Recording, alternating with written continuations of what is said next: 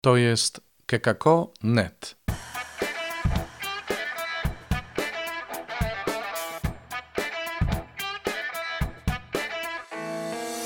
Witam wszystkich bardzo serdecznie na naszej kolejnej strefie rodzica. Dzisiejszy temat to bez kar, bez nagród. To spotkanie poprowadzi Marta Makuch. Marta jest pedagogiem z 25-letnim stażem. Jest też terapeutą pedagogicznym, oligofrenopedagogiem, propagatorem pedagogiki Marii Montessori i edukacji domowej. A tak prywatnie jest mamą trójki dzieci, oczywiście żoną i mieszka w województwie lubelskim. Witam wszystkich bardzo, bardzo serdecznie na tym naszym kolejnym spotkaniu i oddaję głos Marcie. Również witam wszystkich serdecznie, bardzo się cieszę. Dziękuję za zaproszenie. No, temat, tak jak tu powiedziano, budzi, budzi dużo emocji, ale ja chciałam, żebyśmy troszeczkę właśnie zatrzymali się nad tym, dlatego że jako rodzice e, powinniśmy sobie nawzajem właśnie przypominać o tych takich fundamentalnych sprawach, a motywowanie i właśnie szukanie metod, które jakby dotrą do naszych dzieci, szukanie różnych strategii, no jest takim bardzo gorącym tematem. Zaproszę Was do tego, żeby mm, robić sobie czy notatki, czy na czacie pisać pytania. Myślę, że zostawimy tutaj trochę przestrzeni, żeby sobie podyskutować, bo to jest najcenniejsze, żebyśmy właśnie porozmawiali, wymienili się doświadczeniami, żebyście też swobodnie zadawali różne pytania. Pod koniec, chwilkę, chwilkę będę miała tu kilka slajdów i później chciałabym, żebyśmy porozmawiali i żebyśmy wymienili różne swoje doświadczenia, też także serdecznie później zapraszam do szczerości i do zadawania pytań, dlatego że tak naprawdę no, jestem osobą, która głównie czerpie również z doświadczeń z pracy, więc bardzo mnie zawsze to tak jakby zastanawia i, i, widzę swoich absolwentów, widzę dzieci, które gdzieś, z którymi miałam kontakt i widzę też, jak się pewne rzeczy sprawdzały albo nie sprawdzały. No i oczywiście też ze swoimi. Myślę, że każdy z nas ma swój bagaż, swoje doświadczenia i to jest piękne, że tu w tej strefie możemy się wymieniać, ubogacać. Na początek taka droga, bo wychowanie to jest taka droga. My jesteśmy ciągle w drodze jako rodzice. Wyobraźmy sobie, że jesteśmy na tej drodze. Wyobraźmy sobie, że nią idziemy.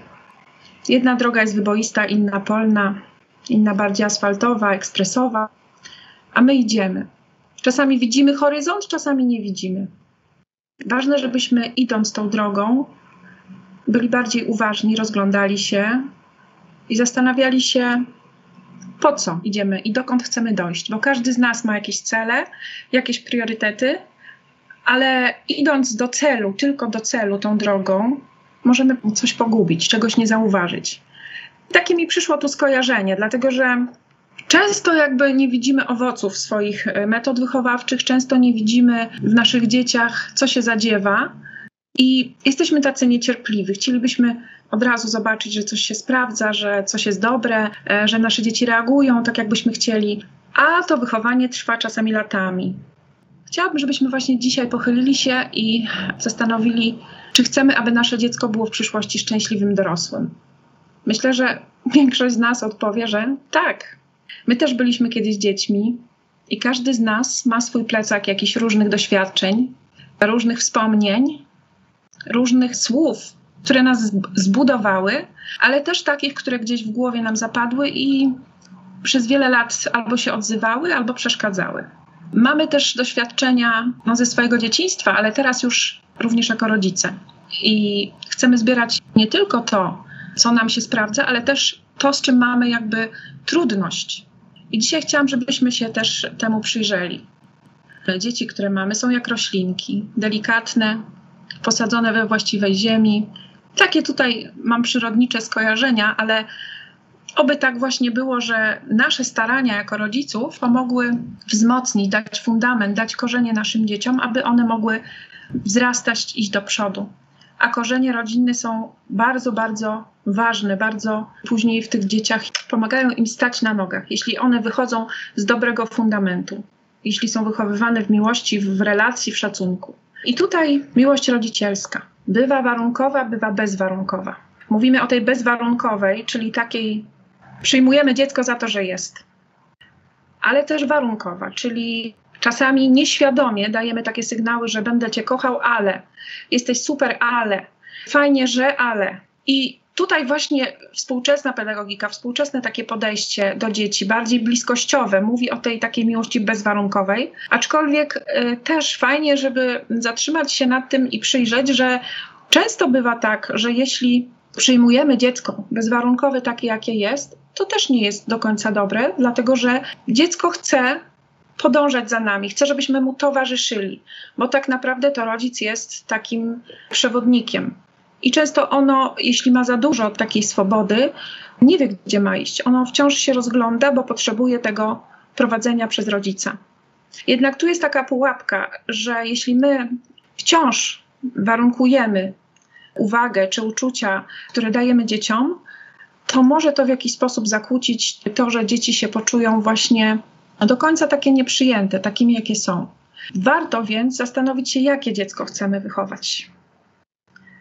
Pochylmy się teraz chwilkę, tak zastanówmy nad naszymi dziećmi. Wyobraźmy sobie tak, żeby stanęły nam przed oczami. Są małe, są duże, są nastolatkami. Macie Państwo różne dzieci, żebyśmy się zastanowili właśnie, jakie ma mieć podejście do świata, jak ma się odnaleźć i żeby miało jakie cechy. Każda rodzina ma inne standardy, priorytety, inne podejście do podobnych sytuacji, więc tutaj warto, żeby taką refleksję też mieć. Często mówiąc o dziecku, głównie skupiamy się na jego zachowaniach. Dziecko jest jednak odrębną osobowością, ma swoje myśli, uczucia, potrzeby. Nie można przykładać nadmiernej wagi jedynie do pojawiających się zachowań. Trudniej jest poszukać przyczyn. Przyczyna generuje takie lub inne zachowanie, czyli często widzimy jakieś zachowanie i głównie na tym się skupiamy i chcemy coś z tym zrobić. Jako rodzice nie mamy problemu z dobrymi zachowaniami, z dobrymi, które są społecznie akceptowalne. Mamy problem z zachowaniami trudnymi, cokolwiek one znaczą. Dla każdego mogą to być inne zachowania. Inny jest nasz bagaż doświadczeń, odmienna perspektywa dojrzałości rodzicielskiej, zróżnicowane priorytety, oczekiwania, potrzeby. Ale też każde dziecko ma inne możliwości, zdolności, zainteresowania, potrzeby. I tutaj to, co u jednego rodzica jest tolerowane, że no cóż, takie jest, przyjmujemy, w innej rodzinie już budzi kontrowersje i ktoś inny może się wypowiedzieć: Nie, to jest nie do pomyślenia, żeby dziecko zrobiło to czy tamto. I tutaj jest taka bardzo delikatna granica między tym, co jeszcze akceptujemy u dziecka, a co zaczyna nam jakoś tam uwierać. To, nad czym chcemy pracować, albo to, co, na co jeszcze pozwalamy, żeby to sobie szło jakoś swoimi torami. I rodzic podejmuje różne działania. Różne działania, które wychodzą z jego serca, wychodzą, tak jak wcześniej powiedziałam, o tych doświadczeniach własnych dlatego że my mamy wdrukowane pewne postawy, pewne zachowania i jakby sięgamy po to, co jest w nas. Ale też słuchamy mediów, mamy różne informacje wokół, bo taki chaos wręcz informacyjny. Z jednej strony mówią nam, żeby właśnie dyscyplinować, z drugiej, żeby zostawiać, żeby nie stresować dziecka. Jedni mówią, żeby no kompletnie bez jakichś nacisków, niech idzie wolno, dziecko czuje, wczujmy się w dziecko i tak dalej. Inni znowu mówią, no jak to? Tutaj twardo, ja tutaj jestem rodzicem. To jest bardzo trudne. Tak przewrotnie y, może dzisiaj to spotkanie bez kar, bez nagród, ale bardziej chodzi mi o to, żeby się zastanowić, czy nasze metody, sposoby, które podejmujemy, te wyzwania są skuteczne, czy przynoszą takie efekty, jakie chcemy. I czy szukamy różnych metod, y, bo jesteśmy o tym przekonani, czy czasami też z bezradności. Rodzic, szukając różnych metod, osiąga też różne efekty swoich działań. Jedne są bardziej satysfakcjonujące, drugie mniej. Chciałabym, żebyśmy teraz na chwilkę właśnie pochylili się nad tymi karami, nagrodami. I odpowiedzieli sobie na pytanie, a może nawet wynotowali na jakiejś karteczce, czy stosuję wobec mojego dziecka kary i nagrody. Jeśli tak, to w jakim celu? Co chcę dzięki nim osiągnąć? Jakiej zmiany oczekuję dzięki nim? Czy są skuteczne? I co to są konsekwencje? Bo też często zamiennie ktoś mówi: Ja nie stosuję kar, a ja stosuję. Ja uważam, że konsekwencje, powinno ponieść konsekwencje różnych swoich decyzji. Także może taką jedną minutkę chciałabym, żebyśmy próbowali sobie albo w głowie, albo właśnie wypisać na kartce, żeby tak chwilę się tutaj zatrzymać. Więc ja może tak zamilknę na kilka sekund. Państwo proszę, żeby się tutaj w to przez chwilę zagłębili. Czy stosuję wobec mego dziecka nagrody, kary? Jeśli tak, to w jakim celu? Jakiej zmiany oczekuję?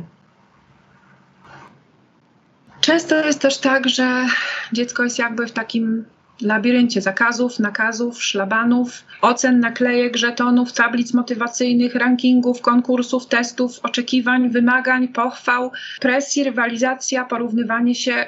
Ja to tak wypisałam w tym złym znaczeniu, bo każda jakby z tych wymienionych tu rzeczy może być też postrzegana trochę no, z różnej perspektywy. Bo czy nakazy, czy zakazy są złe, czy dobre, oceny, a dzieci są oceniane i w domach ciągle są poddawane ocenie, w szkole, naklejki, tablice motywacyjne, czy konkursy to coś złego, czy oczekiwania, wymagania? Chyba to nie jest nic złego. Ale też właśnie chcę, żebyśmy tutaj pokusili się o taką refleksję. Niektórzy twierdzą, że te metody się sprawdzają. I jest tak dobrze, ale wiele badań pokazuje, że pomimo tego, że stosujemy kary, nagrody, różnego rodzaju wzmocnienia, dzieci są samotne, nieśmiałe, to oczywiście nie są jakby jedyne przyczyny tego, że takie podejmujemy metody, czy takie zachowania wobec nas, naszych dzieci, ale właśnie jest, jest dużo, dużo takich teraz problemów wychowawczych, że dzieci na przykład no, nie zatrzymują się, nie mają szacunku do innych, do, do rodzeństwa, do rodziców, do osób, z którymi przebywają, zamykają się, mają brak zaufania albo jakąś taką niską samoocenę, albo zbyt nieadekwatną, czyli wydaje im się, że no, są tak, takimi najlepszymi, najfantastyczniejszymi dziećmi i w zderzeniu z innymi nie potrafią sobie poradzić z tym, że no nie do końca tak jest, jakby nie mają realnej oceny swoich też możliwości. I no właśnie brak wiary też we własną sprawczość, wyuczona bezradność, złość, agresja, wypieranie własnych uczuć, emocji. To są takie problemy, które rodzice najbardziej teraz sygnalizują w różnych spotkaniach, w różnych sytuacjach, z którymi mam do czynienia. Wszystko, co mówimy, co robimy, jak się zachowujemy wobec dziecka, wpływa w jakimś sensie na jego motywację. I często rodzic mówi: Obiecaj mi, że nigdy nie będziesz, obiecaj mi, że nigdy już więcej nie zrobisz. E, jeśli to i to, czyli takie warunkowanie, już nigdy, bo ty zawsze. I konsekwencje, czyli ponieść konsekwencje, bo tak zrobiłeś i tak dalej. Bez towarzyszenia dziecku, jakby w ponoszeniu tych konsekwencji. Też chcę, żebyśmy tak spojrzeli na te zdania i zastanowili się, czy takich zdań używamy i czy my byśmy chcieli też jako dorośli usłyszeć takie zdania, bo wydaje nam się, że no nie, no to przecież trzeba do dzieci, prawda, w ten sposób. Natomiast, no jak dorośli? My jesteśmy dorośli i my mamy trochę inne podejście, no ale my dorośli też potrafimy sobie lepiej radzić z emocjami, lepiej też przyjąć takie komunikaty. Nasze dzieci nie mają jakby takiej perspektywy. Natomiast no, młodzież to znowu patrzy, odbiera to bardzo krytycznie, bardzo krytycznie patrzy na dorosłych, więc też kiedy słyszy coś takiego, najpierw zaczyna się odwoływać, a ty, a ty mamo, a ty tato i tak dalej. I często zaczyna się dyskusja, że no ja jestem dorosły. Tylko co wtedy dziecko czuje, co się z nim dzieje? Czy on myśli sobie, aha, będę dorosły, to będę mógł też się tak zachowywać? Czy, czy te nasze komunikaty poszerzają jego podejście w pozytywnym kierunku, czy wręcz przeciwnie, powodują, że ono coraz bardziej wycofuje się, ma mniejsze zaufanie, e, że te konsekwencje mogą być zbyt ostre na niegotowość jeszcze taką w danym wieku, bo nam się wydaje, że dziecko powinno ponieść konsekwencje, ale czasami nie ma tej gotowości, ono sobie nie zdało sprawy do końca z tego, co zrobiło. I oczywiście może ponieść konsekwencje, ale fajnie, jakbyśmy mu w tym towarzyszyli, przeprowadzili go przez to, żeby ono zobaczyło. Tutaj takie przykładowe sposoby motywowania dzieci. Niektórzy są sprzymierzeńcami tych tablic motywacyjnych, bo pomagają na przykład w kształtowaniu nawyków, dobrych nawyków, bo jeśli to jest powtarzane, no to okej. Okay. Ale mam tu takie trochę podejście takie, że, że niepokoi mnie też, że no jeżeli dziecko ma takie możliwości, że jest super zdyscyplinowane, nie wiem, ma taką motywację wewnętrzną, ścieli łóżko, chętnie idzie się uczyć, potrafi się dzielić, ale to kojarzy mi się z, z takim czymś, że no co, a jeśli nie? A jeśli dziecko ma, jest nadpobudliwe, jeżeli dziecko jest, ma problemy, nie wiem, z pamięcią, bardzo chce, jeśli no nie potrafi się dzielić, nie ma tej gotowości, więc też trzeba czasu, żeby ono przygotowało się, żeby te momenty, kiedy nie potrafi się dzielić, żeby też zostało przyjęte, mimo że nie potrafi. Mimo że ono nie idzie chętnie się uczyć, tylko wręcz niechętnie, to też raczej tu relacja, rozmowa z rodzicem i takie przeprowadzenie. Może się bardzo starać, ale nie potrafić ścielić łóżka, prawda? To są takie, ja mówię o ekstremalnym podejściu, bo myślę, że no każdy z nas ma też troszeczkę inaczej, bo wiemy, że te dzieci trzeba przygotowywać do, do tych umiejętności, ale też nie za szybko, żebyśmy właśnie okazywali cierpliwość, bo często jest tak, że my byśmy chcieli już. No jak to? Przecież wie, że ma mieć zęby, codziennie to samo. Niech sobie znaczek postawi, nie umył zębów, to dziecko czasami woli sobie tam buźkę przykleić, niż pójść umyć zęby. Czyli jakby to też do końca nie jest dobre. Słucham rodziców. No super, fajnie, chcielibyśmy, żeby dziecko zawsze słuchało, ale możemy pogubić po drodze to, że ono na przykład nie będzie miało odwagi otworzyć się i powiedzieć coś, mamo, mam z tym problem, czy, czy z tamtym. My jakby możemy dążyć do tego, żeby ono miało z nami relację, ale musimy ją budować, budować swój autorytet. Więc samo takie słucham rodziców, no a takie, takie różne tablice moty motywacyjne funkcjonują, można je kupić w internecie i czasami rodzice no, sięgają po nie z różnym skutkiem. Ta tablica, mm, tu jest słaba jakość tego zdjęcia, ale co mnie tak jakby y, zaskoczyło. Grzecznie się ubieram. Co to znaczy? Grzecznie się ubieram. No jeśli dziecko ma problemy z ubieraniem, nie wiem, y, jest zerwane z łóżka, jest zaspane, rodzic sam, sam za późno wstał, ciągnie to dziecko, jest dużo emocji rano, szykuje się, no i ma się grzecznie ubierać, bo za to sobie ma przykleić słoneczko czy, czy coś tam. Jem cały posiłek no wiemy, dzieci selektywne jedzenie, tego nie lubię, tego. Czy to jest jeszcze marudzenie? Czy tu mamy się pochylić nad tym, no dorosły mówi, że nie je papryki, czy dorosły mówi, że nie lubi i, i my to przyjmujemy w szacunku, aha, okej, okay. jest wegetarianinem, a to dieta bezglutenowa, a to, to okej. Okay. A z dzieckiem różnie bywa. Trudno nam jest jakby, no to jest grymaszenie, mówimy, prawda? No o co chodzi? To grzeczne ubieranie. Często, y, jeśli używa się słowa grzecznie, dziecko nie wie o co chodzi. Bądź grzeczny. Fajnie byłoby, gdybyśmy sięgali po to, żeby mówić dziecku konkretnie, co ma zrobić. Czyli czy mógłbyś zamknąć drzwi ciszej. Nie, nie trzaskaj drzwiami, czy mógłbyś zamknąć drzwi ciszej. Taki przykład. Chętnie idę się uczyć znowu. Myślę, że fajnie by było zastanowić się, tutaj napisałam, jeśli już ktoś jest przekonany do tego typu tablic motywacyjnych, jak można by to zmodyfikować, żeby lepiej dostosować. Przeraża mnie najbardziej to, że takie tablice często wiszą w szkołach, w klasach, ale naprawdę rodzice też sięgają, wieszają na lodówkach, przychodzą obce osoby, koleżanki, koledzy i po prostu to są takie intymne, delikatne sprawy bywa, że dziecko no nie, nie, jest, nie ma tej gotowości, żeby dzielić się wszystkim na forum. Więc jeśli to się sprawdza, jeżeli to jest w jakimś szacunku, jeśli rodzic omawia to z dzieckiem, okej, okay, myślę, że okej, okay, ale jeśli to jest na takiej zasadzie, no zobacz, tyle masz słoneczek tu, a tyle, a ta jest buźka, no jak w ogóle? Cały posiłek znowu nie zjadłeś. Więc warto, żeby tak przyjrzeć się, co to naszym dzieciom robi. Tutaj jakieś przykłady też było wspaniale, zielone jabłuszko, mogło być lepiej, żółte i niestety nabroiłem. Tu są imiona dzieci na forum, dzieci mogą się porównywać, co też nie jest dobre i rodzice też czasami sięgają po takie metody. To są w pewnym sensie, ma to dzieci zmotywować, ale jako terapeuta pracując też z dziećmi wiem, że efekt jest wręcz przeciwny. Dziecko się zamyka, boi się podjąć jakiekolwiek działania, żeby się nie narazić. Albo jeśli ma problemy, właśnie jest nadpobudliwe, ma jakieś sensoryczne problemy, to ono i tak nie zmotywuje się, będzie miało o sobie informacje. A co mi tam, dostanę kolejne tam czerwone jabłko, bo jestem taki beznadziejny. A to zresztą co mi tam pani zrobi? No. Więc to, czy przynosi efekty, czy jest dobre, to jest kwestia dyskusyjna. Pomijam, że to jest na drzwiach tutaj w klasie, gdzie ktoś wchodzi i, i tak jak mówię, są domy, gdzie na lodówce wiszą takie rzeczy. Dziecko zastanawia się, jaki jestem, kim jestem, co ktoś powie, co ktoś o mnie pomyśli. Zewnętrznie ciągle są te wpływy, jest zewnętrznie sterowalne i no może małe dziecko czasami nieuświadomione ma te pytania, ale im jest starsze, to to wszystko, co jest jakby zasiewane, to w nim się odzywa. I tu mamy tę motywację wewnętrzną, zewnętrzną. Wewnętrzna, czyli jakby wypływająca z dziecka. Dziecko, które jest małe, które się rodzi, ono już jakby samo z siebie jest pozytywnie nastawione. Ono biegnie, ono pokazuje, ono mówi: Mamo, to, tamto, tato, przychodzi do szkoły, do przedszkola. Ono jest pełne ufności, takiej otwartości.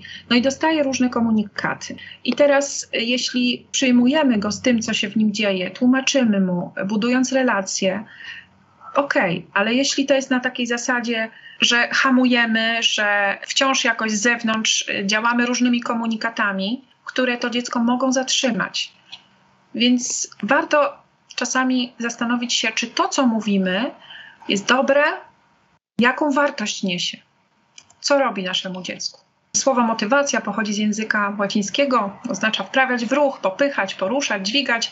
Fajnie jest, jak się mówi, że ktoś ma motywację, super, jest zmotywowany, bo my patrząc czasami na dzieci, tak infantylizujemy to, że o, małe dziecko, to ono tak można je tak potraktować, ale często jest tak, że kiedy dorasta, kiedy jest już osobą dorosłą, to również ciągle potrzebuje właśnie motywowania zewnętrznego, bo jeśli nie, no to wtedy zatrzymuje się.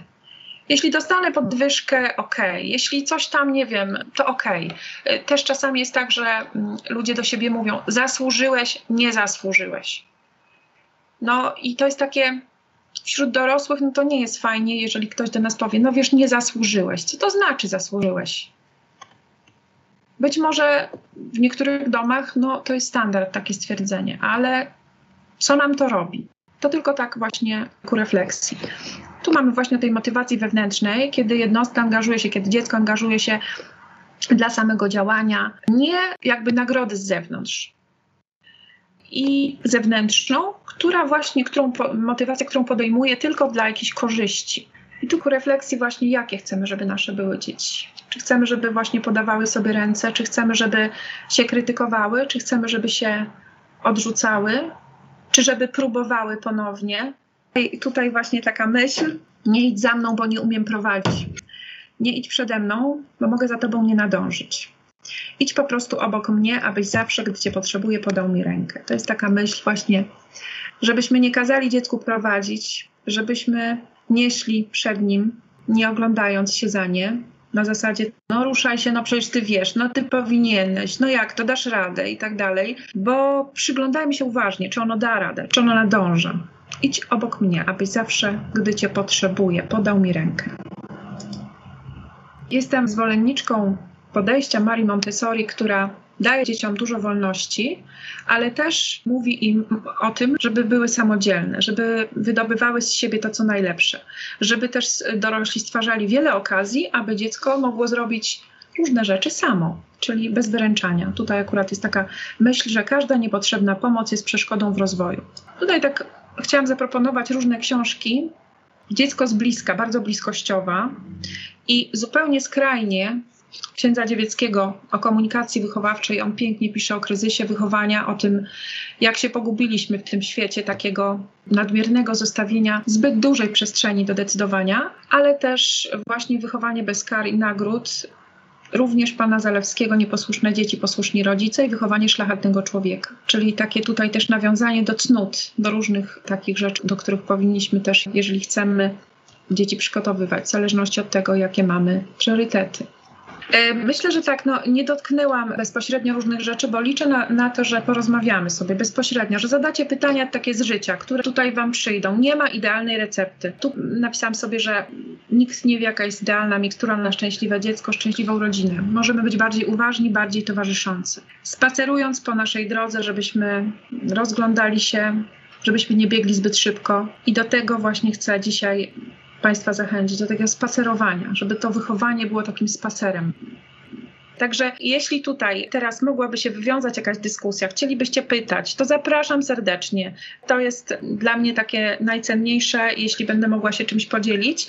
I jeśli macie właśnie tutaj jakieś uwagi czy spostrzeżenia. Także zapraszam. Tutaj mamy pytanie na czacie. Co się dzieje w momencie, gdy każda groźba brzmi, jak tego nie zrobisz, to nie oglądasz wieczorem bajki. No właśnie, fajnie by było, e, gdybyśmy z dziećmi, które mają z tym problem, robili sobie jakiś taki plan dnia, czy plan, co dziecko może robić. No w zależności oczywiście od tego, w jakim jest wieku, i wtedy zwizualizować to, co ma zrobić. Czyli no i młodsze dziecko to naprawdę jakieś rysuneczki, coś takiego, czyli nie taka tablica motywacyjna, ale taka tablica, która pomoże mu spojrzeć, co już zrobiło, co jeszcze ma zrobić. Czasami to pomaga. No i teraz, no to jest taki no nie chcę powiedzieć, że szantaż emocjonalny, że jeśli to, ale dziecko jakby czasami nie widzi związku między tym, że zabraniamy, y, nie wiem, oglądać bajki, zabraniamy czegoś tam, co jest zupełnie odsunięte od tego, co się stało. Czyli jeżeli, nie wiem, no, zbije szklankę, czasami jeżeli dziecko jest wrażliwe, to to już jest dla niego jakby karą. Więc jeżeli dodatkowo powiemy, no tak, tutaj źle niosłeś, to szlaban na, na, na bajki na przykład, nie? Bo mówiłam ci, żebyś nie nosił tej szklanki. No. Natomiast odnosząc się konkretnie do, do tego pytania, no to zastanówmy się, no jak, jak może, no warunkowo, może sobie myśleć, e, no cóż bym mogła powiedzieć, ważne są zasady, ważne są zasady, bo wtedy wszelkie jakieś takie granice, jeśli są w domu granice jasno ustalone, jeśli e, rodzic jest rodzicem, ale w takiej miłości przyjmuje dziecko, ale mówi, słuchaj, no bardzo fajnie. U nas w domu są pewne zasady, wszędzie są zasady, w przedszkolu, w szkole, bo te zasady pomagają nam łatwiej się odnaleźć, łatwiej zrozumieć, co jest dla nas wszystkich ważne, bo każdy w tym domu chce się czuć dobrze. I no właśnie, że te zasady i te granice. Bywam w domu, w których rodzice się jakby zamieniają rolami, czyli dziecko decyduje o wszystkim. I rodzic jest taki e, w tym szczęśliwy, bo on był wychowywany w innym systemie, więc teraz pozwala na zbyt wiele, a później z bezradności zaczyna przechodzić w ten drugi koniec, czyli takiego dyscyplinowania, tracenia cierpliwości i tak dalej. Więc tutaj fajnie, jeżeli byśmy no właśnie w tej relacji rozmawiali, y, analizowali z dzieckiem, tak y, przyglądali się, że słuchaj, dlaczego tak jest, jak to możemy zmienić, jak ty to widzisz. Nie jest nam łatwo. Jeżeli ja przychodzę do ciebie, proszę cię o coś, chciałbym być wysłuchany, ale też fajnie, żebyś, y, żebyśmy się słuchali nawzajem i tak dalej. Więc no taka relacja, budowanie tego, żeby, żeby nie tylko tak dyrektywnie, tylko tłumaczyć. Dziecko czasami fajnie lubi słuchać, po co ma coś robić. Bywa, że nie mówimy po co, tylko mówimy tak, bo tak bo tak ma być. Więc fajnie, jeśli e, jednak sięgamy po to, żeby mu wytłumaczyć, że no jest, żeby być zdrowym. Czasami wszyscy wokół tego się kręcą, że jadło, żeby się zajmują tym i tak dalej, gdzie czasami trzeba to zostawić, troszeczkę zwolnić i dać przestrzeń, żeby to dziecko mogło przyjrzeć się temu, żebyśmy też emocjonalnie jakby je zwolnili. Jak zmotywować dziecko do odrabiania lekcji? Bo bardzo tego nie lubi. Takie pytanie. Myślę, że problem jest złożony. Dlaczego nie lubi? Czy to dlatego nie lubi, że to jest wysiłek i na przykład w innych dziedzinach dziecko nie jest to jest też taki, nie chcę generalizować, ale często widzę, że rodzice zwalniają dziecko z różnych wysiłków, nie przekładają tego na wysiłek szkolny później. Nie widzą, że to się tak, tak przekłada, że na przykład dziecko ma jakiś dyskomfort i mówi, nie, ja tego nie, no to nie, y, może coś, no to nie. I później jakby nie ma w sobie takiej silnej woli, żeby przekraczać nawet pomimo jakichś trudności, które się pojawiają. Pojawia się trudność, dziecko jest zwolnione, więc jeśli to jest jakaś trudność, to fajnie porozmawiać, co ci sprawia trudność? Jak ci mogę pomóc? Zastanówmy się, co tutaj zrobić, żeby było lepiej. Wyjaśnić, po co w ogóle ma się uczyć czytać, pisać, liczyć, pokazywać taką użyteczność na coli. Jesteśmy na spacerze, pokażmy napisy. No to odnośnie małych dzieci. Starszy, ze starszymi jest trudniej, bo pewne sytuacje są utrwalone, ale na pewno takie zmuszanie, szantaż na zasadzie takiej nie odrobisz lekcji, nie wyjdziesz na dwór. Tutaj takie warunkowanie ciągłe, no to być może doprowadzi do tego, że dziecko, aby uniknąć kary, będzie posłuszne, prawda? Będzie się do tego skłaniało. Albo na przykład rodzic obieca, że no wiesz, jak ty tu będziesz taki tak, to ja ci kupię, my pojedziemy i, i tak dalej dostaniesz. Więc dziecko jakby nie widzi sensu w samej tej wysiłku, w tej e, czynności takiej, która ma dać mu wiedzę czy jakąś umiejętność, tylko robi to dla nagrody, prawda? dla pochwały, żeby go ktoś pochwalił, zauważył bo jeśli nie sprosta tym oczekiwaniom, no to nie dostaje tych pochwał czy nagród i tak dalej. Więc to jest takie ciągłe warunkowanie. Fajnie, jakby po prostu motywując dziecko, rozmawiać z nim o tym. Mówiąc po co? No oczywiście adekwatnie do wieku, bo, bo wiadomo, że z młodszymi przedszkolakami troszkę inaczej, ze starszymi, ale żeby żeby y, się zainteresować, no odwoływać się do tych zasad, do tych granic, ale też, żeby przede wszystkim starać się właśnie w takim szacunku, w relacyjności takiej. Tak mi się wydaje, że to jest ważne. Natomiast no to jest problem złożony, jeśli chodzi o to, że, że dziecko czegoś nie lubi, nie chce, no to my też czegoś nie lubimy, nie chcemy z jakichś powodów. Warto się zastanowić, gdzie jakby to leży. Czy to, że nie wiem, nie lubi pani, czy to, że nie, nie chcesz włożyć wysiłku w to, żeby pokonać jakąś właśnie trudność, żeby coś zrobić. No może możemy mu jakoś pomóc, sięgnąć po to, żeby lepiej zorganizować miejsce do nauki, żeby, no, no właśnie, żeby porozmawiać. Jak ci mogę pomóc? Żebyśmy się tylko nie zatrzymywali na tym, no już tam 15, bo budzik z tego, włączam ci stoper, a ty tutaj jeszcze nie zrobiłeś, nie napisałeś, nie schowałeś. Y, tylko też dostrzegać właśnie. Widzę, że udało ci się napisać. Widzę, że tutaj już trochę zrobiłeś. Fajnie, że narysowałeś, tak? Dużo pracy w to włożyłeś, żeby dziecko też takie pozytywne komentarze od nas słyszało. No i to też jest tak, to nie jest tak, że tej motywacji zewnętrznej unikniemy zupełnie bo takie nawet komunikaty, to one też dają dziecku no, takie wzmocnienie pozytywne, ale żeby tylko na tym nie bazować. I tylko ciągle właśnie nie odwoływać się do takich e, rzeczy. Fajnie jest na przykład zrobić niespodziankę, a nie, że obiecasz mi, że tak, tak i tak, to ja ci dam wtedy albo kupimy, albo coś, prawda? Tylko fajnie zaskoczyć na przykład czymś miłym, tak po prostu. Podobnie na przykład, jeśli, e, jeśli dziecko są takie sytuacje, że jakieś żetony zbiera. No dla mnie to takie trochę jest, że rodzic naklejki, jakieś lizaki, różne takie rzeczy, które są jakby w nagrodę i rodzic musi się też mocno motywować, żeby później się z tego wywiązywać. Bo jeśli na wymyśla takich różnych rzeczy, no to dziecko ma ogromne poczucie sprawiedliwości. Jak brat tam dwa razy coś zrobił i on nie dostał, a on dostał, się dyskusje. Natomiast jeśli to jest taka relacyjność, że wszyscy jesteśmy razem, tworzymy rodzinę, dbamy o siebie, fajnie, żebyśmy czyli się tak, żeby każdy w domu się czuł dobrze. Więc no, żeby właśnie się nawzajem wzmacniać i, i sobie tak pomagać. No to jest temat taki trudny, niewyczerpalny, że tak powiem, można tu dyskutować. Mamy kolejne pytanie. Jak zmotywować nastolatka do posprzątania pokoju? Nie lubi tego robić, bo nie widzi w tym sensu, więc ciągle dyskutuje.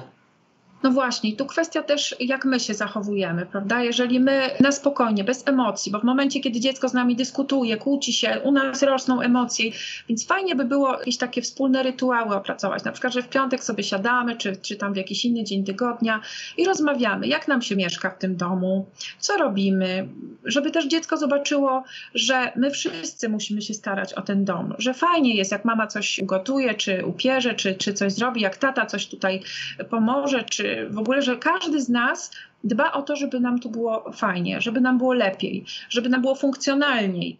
I też to jest kwestia tego, że no słuchajmy się nawzajem. Jeżeli ty masz takie podejście, że ciebie nie interesuje to, żeby się bardziej zaangażować, no to my też, może nie na zasadzie szantażu, ale takiego właśnie powiedzenia, no widzisz, no nam też nie jest fajnie, że jest tak, ale musimy się zmotywować, pomimo tego, że nam się nie chce.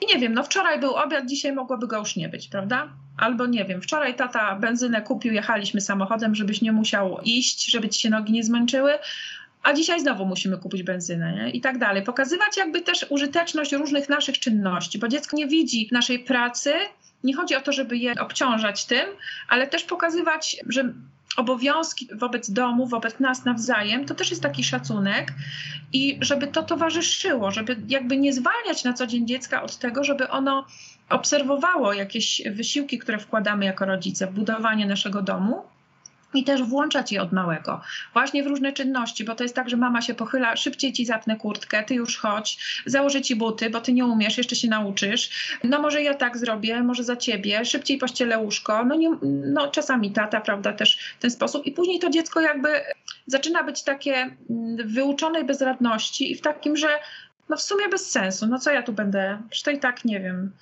ja tu nic nie umiem, więc fajnie, żeby mm, włączyć te dzieci od małego. No i e, jeśli chodzi o nastolatka, no to no jest ciężko, wiadomo, bo to są już pewne utrwalone rzeczy. Ale warto właśnie się spotykać bez tych emocji, czyli usiąść, zobacz, no ja wiem, że to twoja przestrzeń, uszanować też to, że on chce gdzieś coś położyć tak, jakby chciał, że tu jest, czasami rodzice mówią, dobrze, tu jest w twoim pokoju, rób sobie co chcesz. No niekoniecznie. Bo czy ty byś chciał na przykład, żebym ja, nie wiem, rozrzucała kosmetyki w kuchni, gdzie ty siadasz ze śniadaniem, albo żeby tata stawiał brudne buty? No nie, bo to jest takie absurdalne. No i nie jest mi fajnie, jak wchodzę do twojego pokoju i no i to są wieczne dyskusje, prawda? Ale żeby też zachować taki spokój, nie przejmować emocji, nie przejmować emocji, ale na pewno jakieś właśnie zakazy, kary to jest y, niewiele, niewiele dadzą. To jest takie e, działanie na tu i teraz, więc y, no, rozmawiać, rozmawiać, budować też e, swój autorytet, czyli dawać przykład, bo tu też chcę nawiązać, że jeżeli rodzic sam wchodzi, zostawia brudne, nie wiem, buty rzuca, depcze po podłodze, są jakieś ubrania porozrzucane, no to nie może wymagać od dziecka, żeby to wyekzekwować, prawda? Mimo, że jest dorosły, ale dziecko nas obserwuje bacznie. Jak postępować, gdy dziecko używa przekleństw, niegrzecznych słów do rodziców i rodzeństwa? Klasa pierwsza. Tak, to już jest skutek pewnych rzeczy. To jest tak, że w dziecku jest jakiś bunt, jakaś, rodzi się jakaś złość i stopniowo przeradza się w jakąś agresję. No jeżeli się bije, z kimś uderzy, to to widzimy. Od razu jest zwrot akcji, nie można się bić, rozmawiamy. Natomiast dziecko czy w domu, czy w szkole ma sygnalizowane, że no fizycznie to nie jest w porządku. Natomiast, no cóż, ucieka się wtedy do e, biernej agresji, do słownictwa, do jakichś innych sposobów, żeby dać upust swojej jakiejś złości. Warto się temu przyjrzeć, jak się odzywamy do dziecka, e, jak z nim rozmawiamy, skąd się to bierze. No bo to jest, e, czasami ono chce zaistnieć, czasami w inny sposób jest niezauważone gdzieś niknie, jest nieciekawe, może nie jest atrakcyjne dla rówieśników, bo nie wiem, no nie ma takich zainteresowań jak ktoś w klasie, no w jakiś sposób chce na siebie zwrócić uwagę z jakiegoś powodu. Warto też się temu przyjrzeć, co się dzieje, dlaczego. No to jest temat dłuższy, bo my jakby widzimy to zachowanie i możemy mówić, nie podoba mi się to twoje zachowanie, no nie fajne jest, ty jesteś fajny chłopak, masz tutaj, potrafisz, wiem, że, że tak czy tak, więc nie mówimy, że ty jesteś niegrzeczny, ty jesteś taki, prawda? Bardziej ciągle odwołujemy się do zachowania, rozmawiamy o tym zachowaniu, wiem, że potrafisz zachować się inaczej. To nie jest fajne, jak się przeklina, wiesz o tym, prawda? Czy my do ciebie przeklinamy, czy my mówimy do ciebie w ten sposób. Trzeba też stanąć w prawdzie, czy ono gdzieś słyszy takie słowa, czy, czy to są może od kolegów przyjęte i chce się popisać, to może, bo czasami ktoś mówi, żeby zignorować przekleństwa, nie zwracać uwagi i samo przejdzie. Ale dziecko czasami nie wie. Nie wie, no bywa, że ono po prostu przeklina, powtarza coś po rówieśnikach, widzi, że to jest jakaś reakcja wtedy i to mu się podoba, że reagują inni. No różnie, więc też no, no, rozmawiać, poszukiwać też odpowiedzi. No, mamy naprawdę mnóstwo informacji w internecie, możemy szukać e, różnych artykułów, bo jeśli się właśnie, dlaczego mówiłam o tych różnych, o bliskościowym, ale również o takim dyscyplinującym podejściu, jak właśnie pan Zalewski, że żeby też sobie wypośrodkować to, co jest najlepsze dla naszej rodziny. Dlatego, że jeżeli damy się zafiksować w jakimś jednym kierunku, może się okazać, że to w naszej rodzinie się nie sprawdza i z naszymi dziećmi w ogóle, nie wiem, zamrażamy naszą intuicję i widzimy efekty po naszych dzieciach, że jakieś tam metody proponowane przez nawet jakiś autorytet niekoniecznie tu się sprawdzają. Jakieś kolejne pytanie? Tak, kolejne pytanie. Proszę omówić konsekwencje. Jakiego typu powinny być z czym powinny być związane i w jakim odstępie czasowym od danego wydarzenia. I co zrobić, jak mimo konsekwencji zadanie jest niewykonane, na przykład sprzątanie pokoju, rozwiązywanie zadań, ścielenie łóżka i tym podobne. I to już druga rzecz, co zrobić w sytuacji, jak jeden rodzic jest konsekwentny, a drugi często odpuszcza. Więc myślę, że na początku dobrze było omówić te konsekwencje, jakiego typu powinny być, z czym powinny być związane i w jakim odstępie czasowym od danego wydarzenia. Ja myślę, że najlepiej tak jak wcześniej też takie zdanie napisałam, żeby towarzyszyć w tych konsekwencjach, czyli porozmawiać. I żeby dziecko wcześniej miało taką informację, że jeżeli, nie na zasadzie takiej, że jeżeli ty nie zrobisz, to będzie tak i tak, tylko właśnie w takim tonie przyjaznym. Słuchaj, jeśli ty teraz bawisz się, leżysz, nie pomagasz nam, no to później, kiedy przyjdzie czas, żebyśmy poszli na spacer, to będziemy musieli dalej czekać, żebyś ty zrobił to, co ma być zrobione, bo tu się nie da wejść, nie wiem, jest bałagan, więc chcemy zostawić czyste mieszkanie, żeby pójść na spacer na przykład. Więc jakby być nieugiętym, ale też w takim y, towarzyszeniu, może ci w czymś pomogę. No tutaj konsekwencje też nie zawsze dziecko jest w stanie udźwignąć, szczególnie młodsze, aczkolwiek warto, żeby poczuło, nie wiem, jakąś swoją złą decyzję, czyli, czyli pozwolić mu na to, żeby on odczuło. Bardziej lubię rozmawiać konkretnie, w konkretnym przypadku na, na, temat danego dziecka, bo wtedy jak widzę, poznam i rodzic opowie więcej o tym dziecku, to jakby bardziej szczegółowo mogę się odnieść do tego, bo każde dziecko jest inne. I to, co u jakiegoś wrażliwego dziecka bardzo właśnie może być już jakimś dramatem i może na nie wpłynąć źle, u innego, które jest już jakieś takie zatwardziałe, które no i co? No i co mi zrobisz, nie? No i ja akurat mam to w nosie, nie? Więc tutaj do pewnego momentu nagrody czy kary działają, a później no, noszę twoją nagrodę, twoją karę po prostu, nie chce mi się już, nie? I wtedy właśnie wychodzi na to, że potrzebna jest ta relacja. Ta relacja i to, żebyśmy my byli autorytetem dla dziecka. Ja tutaj się wtrącę, ponieważ mhm. dla stałych bywalców w naszej strefie rodzica było kiedyś takie spotkanie z Michałem Patynowskim, który tłumaczył to, że konsekwencja musi być związana bezpośrednio z tak. czynem, który zaistniał. Nie może to tak. być odroczone w czasie, bo im młodsze dziecko, tym w ogóle tego nie połączy. No i właśnie, żeby te kary zamienić na konsekwencje, czyli właśnie jeżeli powiedzmy dziecko, nie wiem, zbije szybę sąsiadowi, powiedzmy piłką, tak? No to nie, że teraz rodzic idzie i załatwia sprawę za dziecko, tak, albo mówi idź sam załatw, a sąsiad wiadomo nie będzie zadowolony z całej sytuacji, ale powiedzmy, że omawia to z dzieckiem, tak jak właśnie tutaj mówisz, całą sytuację, jak to się stało, spokojnie, bo być może, że ta piłka niechcący wpadła tam w to okno, a i on jest cały biedny, zestresowany, ale idzie razem z nim, tak? Stoi obok i na ile można, znając tego sąsiada, dziecko mówi przepraszam, a rodzic powiedzmy i młodsze dziecko, no wiadomo, więcej przejmie na siebie, tak? No, ta, dlatego ta rozmowa tutaj wydaje mi się jak najbardziej sensowna. Natomiast tu jest ta druga część pytania i co zrobić, jak mimo konsekwencji zadanie jest niewykonane, na przykład sprzątanie pokoju. To ja bym miała pytanie do autorki tego pytania, co to znaczy mimo konsekwencji? Jakich konsekwencji? Tak? Czy te konsekwencje to są związane z tym niepościeleniem łóżka, czy nie obejrzysz bajki? to tutaj trzeba zastanowić się w formie zadania tego pytania, więc prosiłabym może, żeby dopisać jakoś, doprecyzować to, tak? No właśnie chodzi o bajkę. Jeżeli my zabraniamy oglądania bajki, to bardzo mocno zwracamy uwagę, że ta bajka jest bardzo atrakcyjna. O tym też już kiedyś mówiliśmy, więc ale to jest jakby osobny temat tutaj technologii i tak dalej. Natomiast y, nie ma to bezpośredniego związku kompletnie z tym sprzątaniem pokoju, tak? Tu właśnie, tak przynajmniej ja zrozumiałam z tego, co ty mówiłaś, że chodzi generalnie o to, żeby porozmawiać z dzieckiem, dlaczego mamy ścielić to łóżko, dlaczego mamy sprzątać pokój. Dlaczego to rozwiązanie różnych zadań jest takie ważne? Zapytać dziecka, prawda, o to, jak ono uważa. Czasami możemy też zaskoczyć dziecko taką zmianą trochę reakcji, czyli powiedzieć: Słuchaj, okej, okay, od dzisiaj nie ścielimy łóżek, nie myjemy naczyń, nie gotujemy obiadu, nie jeździmy samochodem, my nie wychodzimy do pracy, nie kupujemy benzyny, nie wiem, no po prostu może pokazać mu, czasami wystarczy jakby zwizualizować i, i co teraz, nie? No ubrania jak wyrośniesz, to też ci nie kupujemy, no bo po co, nie? Po prostu, żeby mu pokazać też taką perspektywę, trochę z takim właśnie przymrużeniem oka, ale okej, okay, dobrze. Może jak masz taki pomysł, rób co chcesz i co z tego wyniknie, prawda? Żeby też próbować porozmawiać trochę w taki sposób, w takim tonie jakby jak dziecko, które dyrektywnie mówi, że no bo tak, no to okej, okay, nie? Może nie z ironią jakoś, ale też z takim, żeby też mu towarzyszyć w tym z miłością, żeby też nie naigrywać się, nie stawiać go, bo wiadomo, że dziecko naiwnie może powiedzieć, że no to dobrze, to spróbujmy.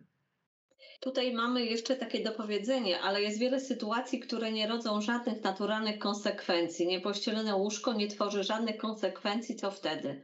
No ja nie do końca się zgodzę z tym, że nie rodzi konsekwencji, dlatego że y, jeżeli będzie wieczorem, prawda, jeżeli człowiek jest zmęczony, to chętnie kładzie się do łóżka, które w jakiś sposób jest przygotowane do tego, tak? No więc ja powiem tak, zależy w jakim wieku jest dziecko. Jeżeli ono jest małe, no to w tym momencie zdecydowanie próbowałabym ścielić razem z nim, nauczyć go tego.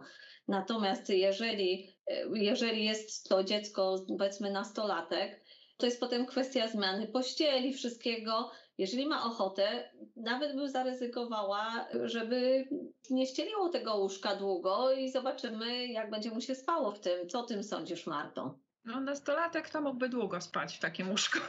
To jest kwestia tego, czy nam to przeszkadza, czy jemu to przeszkadza. A czasami po prostu, jeśli jest nastolatek, to warto też porozmawiać. Słuchaj, jesteś już, e, jesteśmy w takiej relacji partnerskiej, rozmawiamy sobie, słuchamy się nawzajem, jesteś już taki dojrzały, poważny, to traktujmy się też poważnie. I fajnie by było, gdyby no, jedną z zasad tak, takich u nas w domu było to, że jest czysto, nie? Czyli również pościel, mimo że nie widać, ale jest brudna po jakimś czasie, po prostu ją trzeba zmienić. I taka jest zasada u nas w domu i proszę, żeby się odwołać do tej zasady. Nam na tym zależy. Tobie zależy na czymś tam, nam za zależy na czymś i fajnie, żeby właśnie mieć takie zasady i, i, jednak trzymać się pewnych granic, które no, pomogą nam w tym się poruszać. Bo jeżeli będziemy sobie tak, no nic takiego w sumie, jeden dzień nie pościelił, drugi, dziesiąty, ale później idziemy gdzieś, na przykład jedziemy z dzieckiem na wczasy, no ono jest w jakichś sytuacjach społecznych, jedzie na kolonie i o kurczę, nie ścieli łóżka, przecież no ja z tego, no jak to, moje dziecko? No ale to są nawyki, które no są ważne. Fajnie pokazywać, mówić też o tym, że te nawyki, no to jest najważniejsze. No ja mówię, jesz po to, żeby nie być głodnym, a nie, że dostaniesz nagrodę. Jak zjesz zupę, to dostaniesz deser, taki pyszny deser. No ale dziecko nie, nie wiem, zmusi się na przykład i zje, mimo że nie lubi albo nie wiem, nie może, no ma jakieś swoje powody i nad tym się trzeba pochylić, jakie to są powody, o co chodzi, co sobie tym niejedzeniem robi na przykład, dlaczego to tak jest. Więc y, bardziej szukać tych, tych przyczyn, nie skupiać się tylko na, na tym, y, co jest w tym zachowaniu. Bo zachowanie możemy łatwo moderować, ale patrząc do przyszłości, my dziecko przygotowujemy do przyszłości i tam nikt nie będzie na co dzień dawał kar i nagród. No oczywiście, jako pracownik możemy doświadczyć tego, ale fajnie, jak ta motywacja wewnętrzna nie byłaby zamordowana, czyli ono by z pasji coś robiło. Wtedy będzie czuło, że tego chce i tu, żeby się pochylić. Ja nie mówię, że ja tu jestem po to, czy Iwonka, czy każdy z Państwa, żeby dzisiaj wyczerpać ten temat, bo to jest bardzo głęboki temat. Zależało mi, żeby się właśnie tak pokusić o taką refleksję tutaj, żeby poszukać tych odpowiedzi, co jest lepsze. I też nie tylko, bo właśnie kary nagrody się szybko sprawdzają. One, efekty są szybkie. Tylko w dalekosiężnym takim patrzeniu. Czy my mamy takie podejście w życiu, że tylko się rozglądamy, żeby, nie wiem, uniknąć kary i żeby dostać nagrodę? bo jesteśmy tak, czy coś głębiej, gdzieś głębiej w nas jest, coś głębiej otwieramy.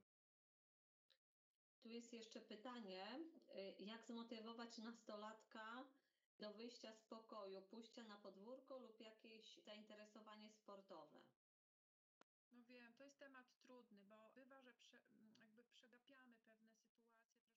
Nam się wydaje, że no jest ok, siedzi w domu, nie włóczy się z kolegami, no jest dobrze. Często jest to też spowodowane uzależnieniem poważnym od y, internetu, od gier komputerowych i to jest temat już taki, no naprawdę na konsultacje ze specjalistą.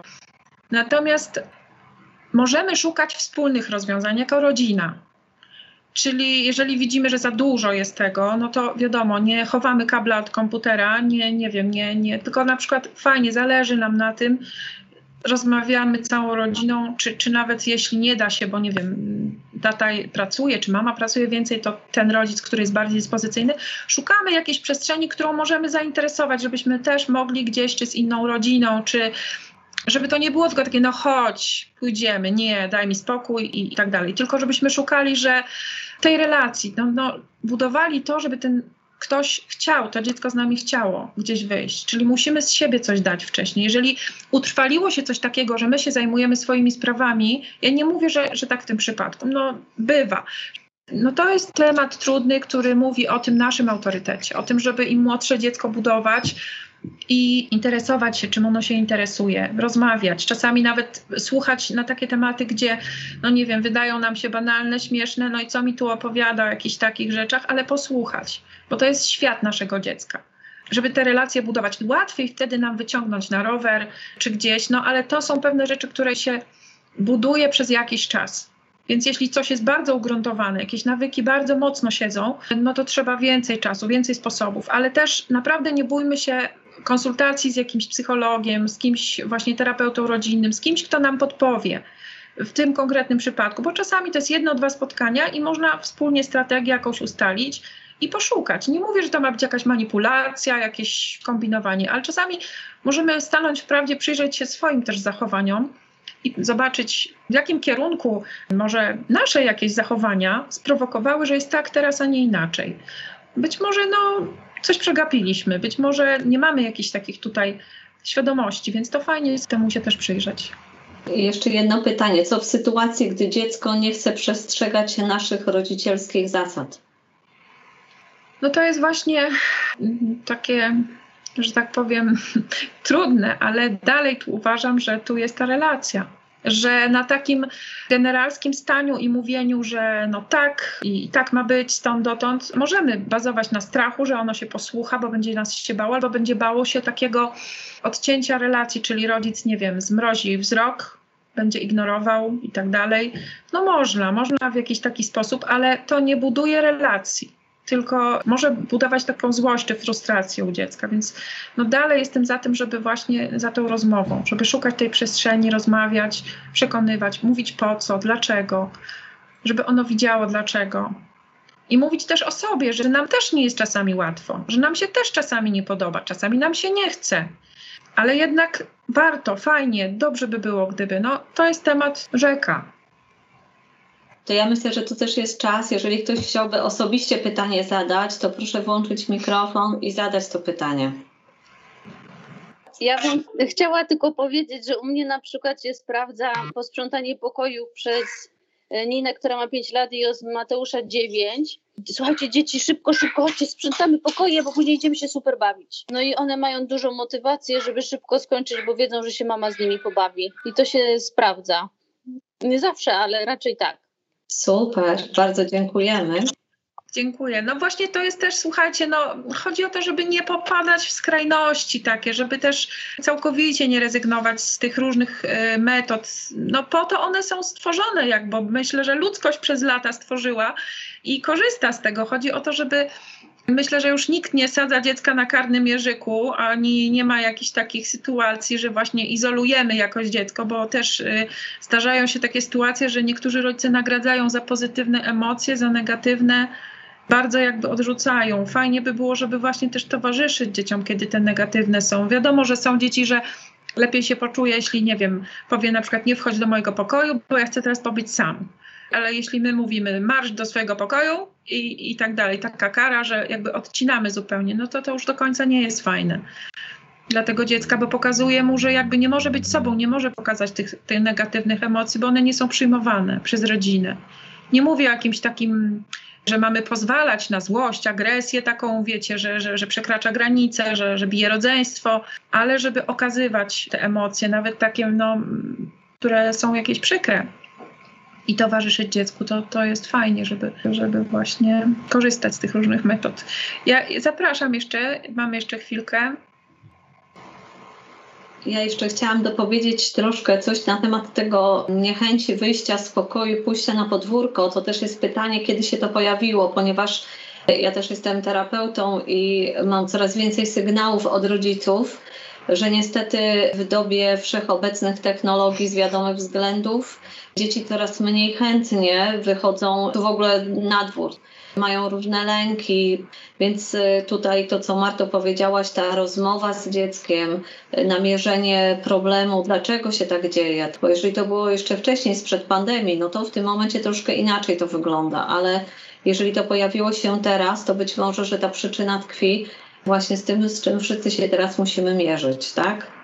Także też tak mi to przyszło do głowy, żeby na to zwrócić uwagę. Właśnie też dorośli mają problem w tej chwili, bo nawet pracują online godzinami, więc nie wiem, chodzą w piżamie pół dnia, dziecko też to widzi, więc różne są takie sytuacje, że warto się motywować dla naszych dzieci, usiąść przy tym stole, pomimo jakichś trudności, że, żeby nie jeść posiłków przy laptopie i, i, i gdzieś tam wspólnie właśnie, bo przykład dla dziecka idzie z góry i też warto, żebyśmy my no, towarzyszyli w tych różnych sytuacjach i wtedy łatwiej jest też odwołać się do tego, że słuchaj, no tak jest dobrze, jesteśmy rodziną, budujmy tutaj ten czas wspólnie, spędzajmy i tak dalej.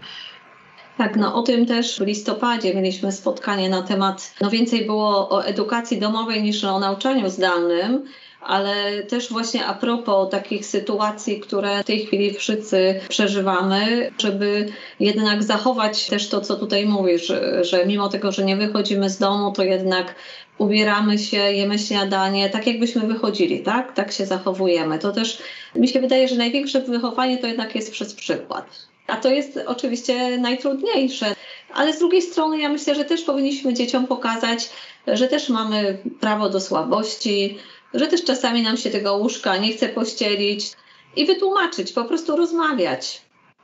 Marto, czy chciałabyś jeszcze coś dopowiedzieć?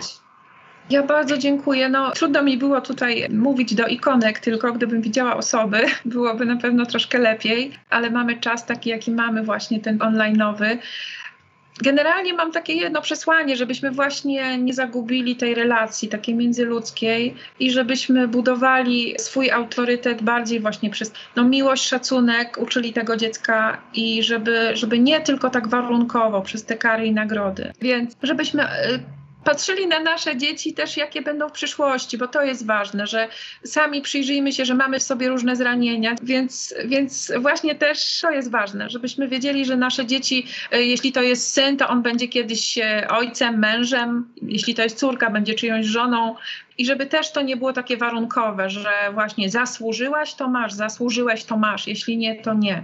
Ja nie mówię, nie neguję całkowicie pochwał, nagród, też nie o to chodzi, tylko żebyśmy sami na spokojnie po prostu mieli refleksję. To, co chcemy powiedzieć, czy to prowadzi do budowania naszej relacji, naszego autorytetu, czy do takiego odcięcia odcięcia tej relacji, że później właśnie przychodzimy do pokoju syna i czy córki i nie mamy już o czym rozmawiać. Ona już nie chce, czy on z nami rozmawiać. Mówi, daj mi spokój. Albo jest coś takiego, że my się możemy uprzeć i na takim lęku uzyskać coś od dziecka, ale stracić dziecko. Ona powie, dobrze, masz ten posprzątany pokój. Jesteś zadowolona, ale czy my tego chcemy tak naprawdę? Czy chcemy tej relacji? Usiąść, pogadać, przyjrzeć się, powiedzieć, no nie wiem, zobacz, fajnie jest, jak tu tak wiesz, w twoim pokoju pachnie, jak masz świeżą pościel, jak masz czystą koszulę. Tak fajnie, co? Fajnie, jak tak przyjdziesz do pokoju, a tam taki obrus na stole, albo tak czysta szklanka, bo mama umyła, a ja dla ciebie chętnie umyję szklankę. Więc żeby rozmawiać, pokazywać, trochę tak właśnie przyjmować z uczuciami to dziecko. Żeby nie tylko dyrektywnie z pozycji, że tak, bo tak, bo ja tu jestem rodzicem, ja ci mówię, tylko właśnie no, zatrzymywać się, o tak może, bo mamy pewne mechanizmy, mamy pewne przykłady, w których też byliśmy wychowani w jakichś takich doświadczeniach i czasami w emocjach silnych przejmujemy, to też jest ważne, żeby nie przejmować tych emocji od dziecka bo dziecko nas potrzebuje właśnie, żebyśmy my byli tą taką skałą, ścianą, nie wiem.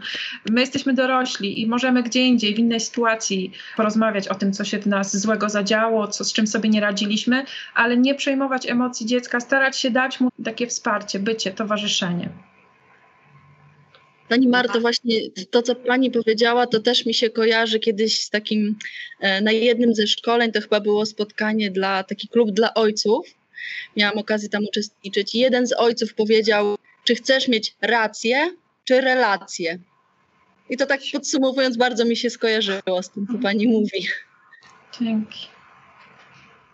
Czy może jeszcze ktoś chciałby coś dopowiedzieć? Może komuś się też coś skojarzyło, przypomniało? To jeżeli nie ma już tematów do omówienia w kwestii kar i nagród, ja myślę, że po tym dzisiejszym spotkaniu, zanim włączymy karę czy nagrodę, to mam nadzieję, że jakaś refleksja nam się tutaj pojawi, także do tego zachęcam. Chciałam bardzo podziękować Marcie też za przybliżenie tematu. Bardzo dziękuję dzisiaj za spotkanie i zapraszam na kolejne. Wszelkie informacje śledźcie na strefie radości we Wrocławiu bądź strefie dla rodziny w Błotnicy. Takie dwa fanpage na Facebooku reklamują te spotkania. Bardzo Wam dziękuję i dziękuję. do zobaczenia na kolejnej strefie rodzica.